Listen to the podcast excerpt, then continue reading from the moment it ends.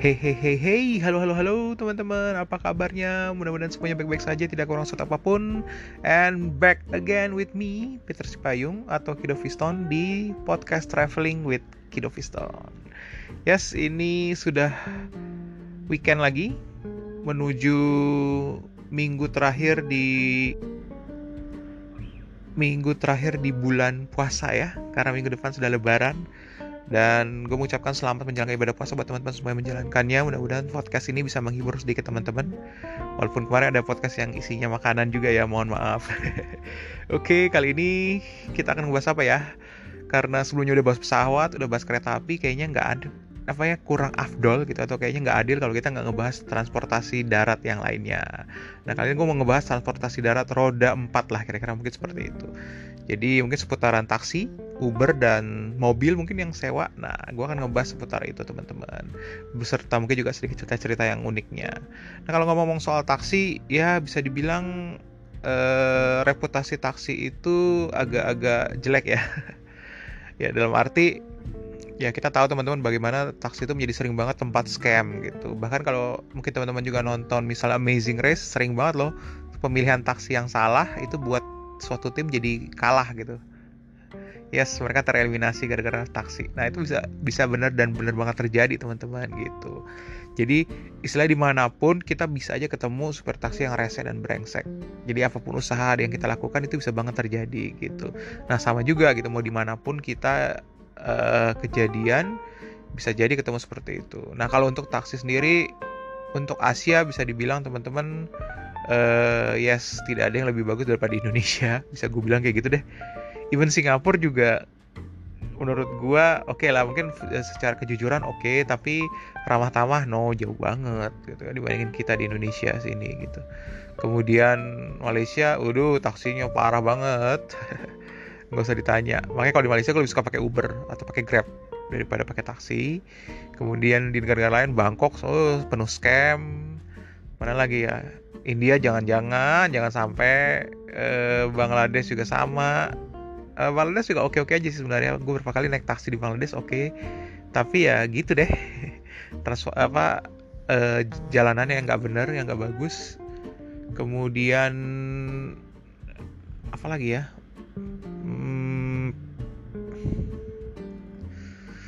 Uh, next itu apa oh mungkin di ini gue juga oke okay tuh. Di Korea ya Korea juga lumayan.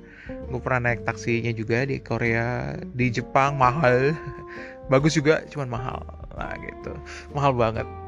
Gitu teman-teman. Jadi mungkin ya kalau Korea Jepang kemudian eh, Eropa nah itu taksi-taksinya bisa dibilang sebenarnya cukup bagus gitu ya. Dan kualitas juga oke cuman ya gitu tadi seperti yang gue bilang di awal kadang kita nggak nggak akan nyangka kalau kita akan ketemu yang aneh-aneh atau ketemu-temu yang nggak bagus nah contohnya kalau di Perancis karena gue memang lumayan cukup sering ke Perancis dan pernah tinggal di sana. Nah, kalau uh, taksi di Perancis tuh rata-rata sebenarnya juga oke-oke aja, cuman ya itu tergantung pengemudinya. Dalam arti uh, gue menemukan ini bukan karena gue rasis atau apa, tapi memang sering banget sih udah terjadi dan gue pengalaminya sendiri. Kalau pengemudinya ini yang berasal dari pendatang ya, jadi artinya dia keturunan bukan orang Prancis bule dalam arti.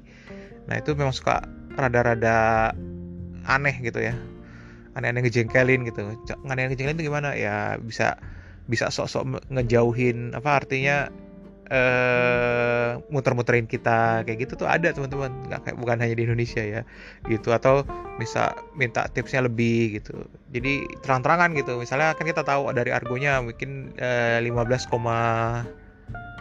7 gitu misalnya 15,7 euro gitu. Nanti kita kasih 20 dia nggak nggak ngasih kembalian tuh. Nah biasa padahal biasanya kan umumnya sih tips-tips itu kan 10% lah. Palingnya satu setengah atau 2 euro gitu 17 gitu gitu. Nah, dia itu biasanya ngambil langsung full kayak gitu. Kayak kayak gitulah pokoknya teman-teman. ya jangan kayak di Indonesia ya, mungkin kita ngasih tip 1000 2000 gitu kan. Kalau di Eropa kan ya 5 dolar tuh, oh ya 70 ribu teman-teman. Nah, kayak kayak gitulah. Contohnya gitu.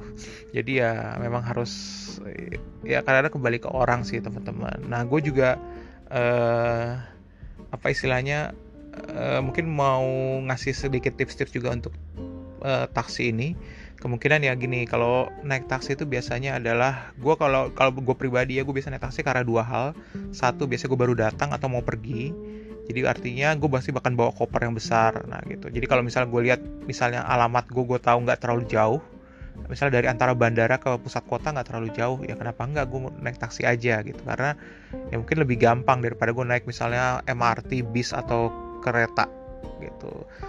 Jadi contohnya misalnya kayak apa ya hmm, yang gue inget banget itu gue pernah di Riga uh, Riga Latvia itu dari airport ke pusat kotanya tuh nggak terlalu jauh. Jadi gue naik taksi kemudian gue ingat juga gue waktu di uh, apa Warsaw Poland juga gitu. Dia nggak terlalu jauh dari uh, hotel gue sampai ke apa namanya ke ini ke dari airport ke hotel gue gitu.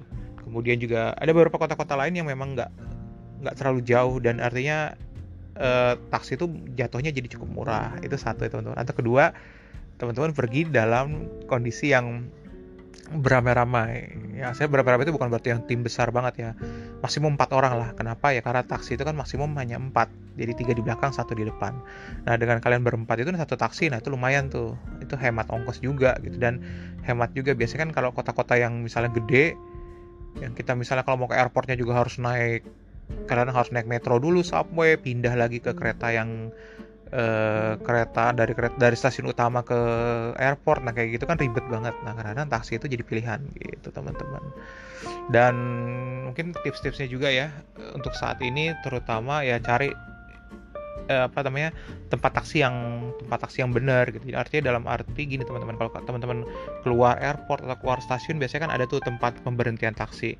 Nah kalau di Eropa atau di beberapa negara-negara uh, Asia gitu kalau teman-teman mau naik taksi itu tempat yang memang tempat tempat normalnya taksi di situ. Dan itu biasanya taksi yang benar gitu di yang ada di situ. Jadi jangan pergi ke ujung jalan mana terus coba berhenti atau menerima penawaran gitu. Excuse me excuse me taksi. Nah jangan mau. Itu biasanya nanti ujungnya jadi scam teman-teman. Nah, gitu. Nah kemudian uh, ya, ya tadi ta, apa bisa juga ya dengan sekarang sudah cukup canggih ya udah ada Uber Grab dan sebagainya teman-teman bisa pakai aplikasi itu juga untuk ngambil. Cuman ya kadang-kadang harus sulit juga biasanya untuk proses penjemputan ya gitu. Karena nanti dia ya harus telepon-teleponan itu yang bikin repot kadang-kadang. Kadang-kadang kan kita ya mungkin pada saat kita mendarat belum ada teman-teman yang mungkin nggak suka pakai apa namanya eh, apa tuh istilahnya apa uh, modem? Wifi modem jadi kan harus beli full apa beli ganti ini dulu harus mau ganti kartu segala macam kan ribet banget. Nah, kayak gitu kan kadang-kadang suka males. Nah itu nanti susah tuh untuk mendapatkan Uber. Tapi kalau teman-teman sudah prepare udah siap misalnya sudah punya wifi atau memanfaatkan wifi di airport nah itu mungkin bisa bisa teman-teman untuk pakai uh, aplikasi ya jadi dengan Uber atau dengan Grab kayak gitu sih ya. terus juga uh, ini yang selalu gue lakukan juga adalah biasanya juga gue cari tahu kira-kira berapa sih dari airport ke tempat gue gitu. Jadi misalnya uh, let's say misalnya kita ngomong ke hotel gitu. Misalnya ya di kota itu tuh atau di hotel kalian tuh tidak ada shuttle gitu atau shuttle jatuhnya mahal gitu. Bisa nanya juga kadang-kadang berapa sih kira-kira uh, how much cost dari airport ke hotel kayak gitu teman-teman. Tapi umumnya sih nah kalau ada hotel yang memanfaatkan atau yang memberikan shuttle biasanya gue milih juga tuh teman-teman. Karena itu juga salah satu cara yang untuk aman dan nyaman. Ketika kita masuk ke dalam suatu daerah nah kita eh, apa namanya mau menggunakan transportasi apa namanya untuk perpindahan gitu dengan shuttle yang disediakan oleh hotel. Tapi kalaupun nggak ada nah apalagi kalau nggak ada teman-teman nah teman-teman tuh bisa nanya banget ke bisa nanya banget ke apa namanya hotel berapa kira-kira harganya. Atau kalau enggak ya dengan memanfaatkan aplikasi. Karena dengan Google tuh sekarang juga bisa tuh.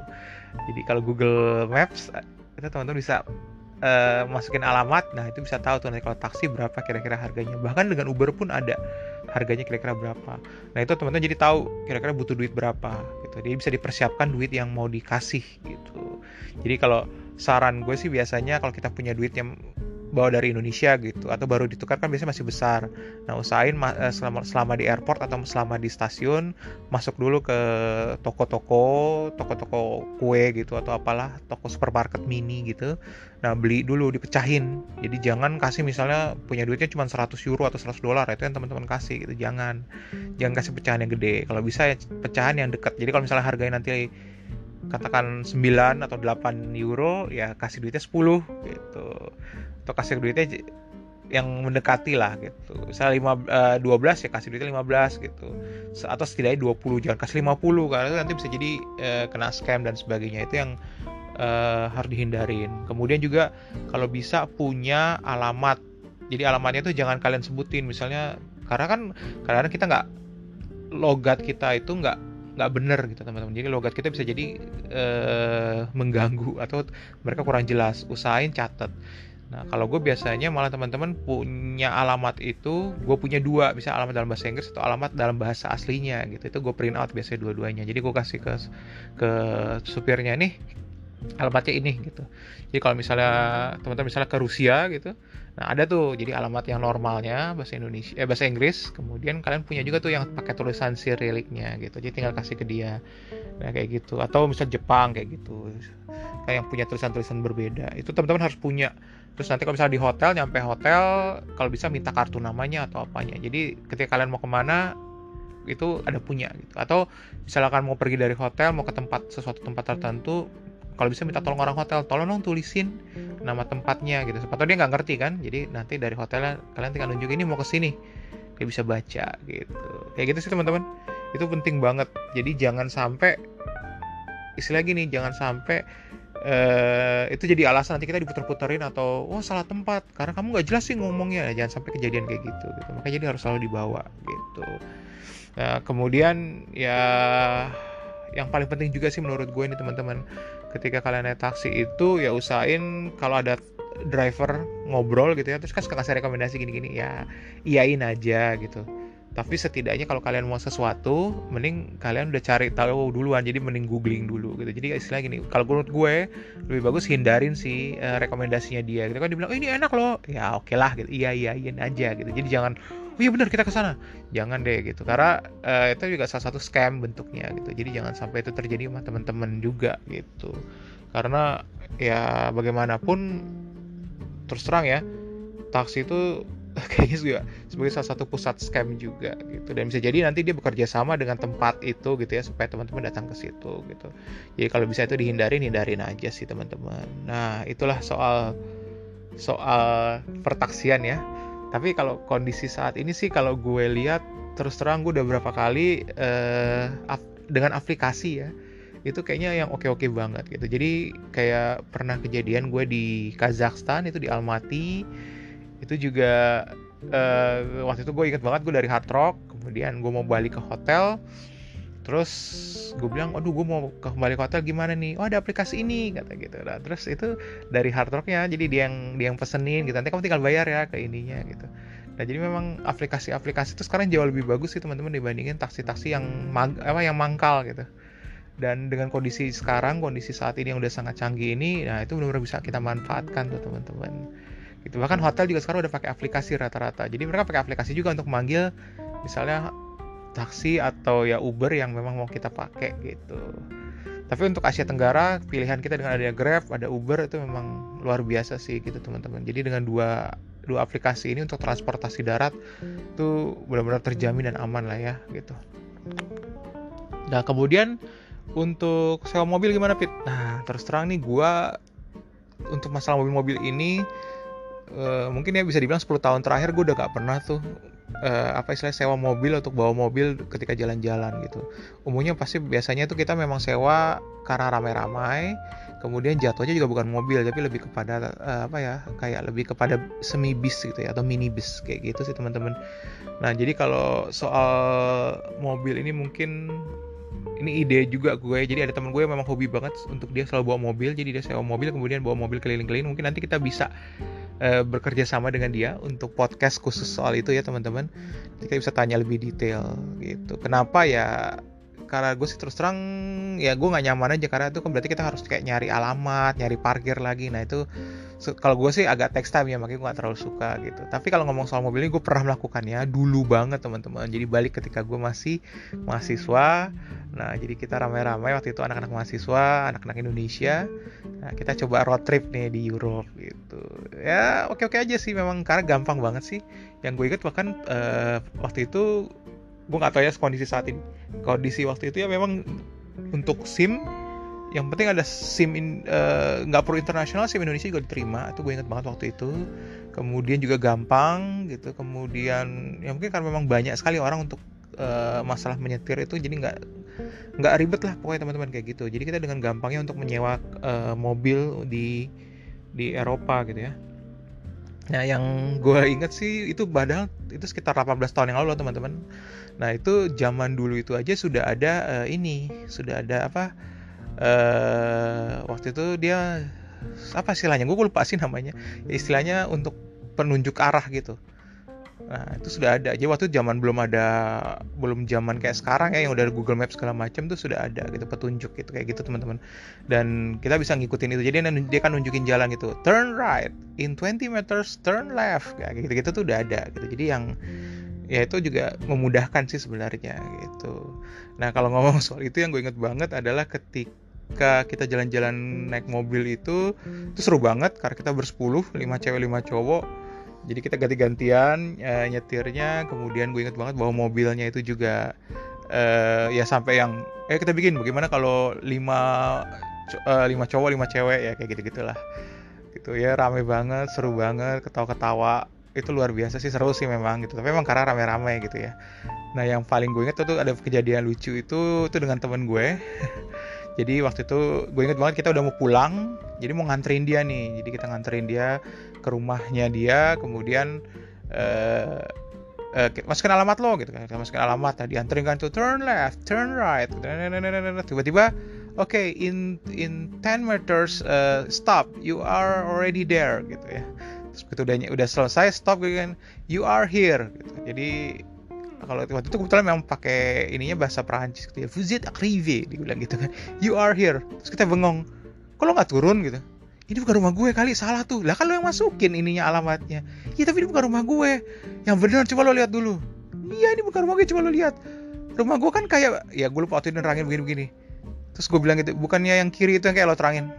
Oh iya itu rumah gue. Ya ampun jadi selama ini cuma ngeliat ke kanan dong teman-teman jadi itu itu sih koplak banget kalau gue inget itu. Tuh temen gue itu memang dia sebenarnya luar biasa pinternya cuman ya errornya juga kadang-kadang gak ketulungan ya termasuk kayak itulah.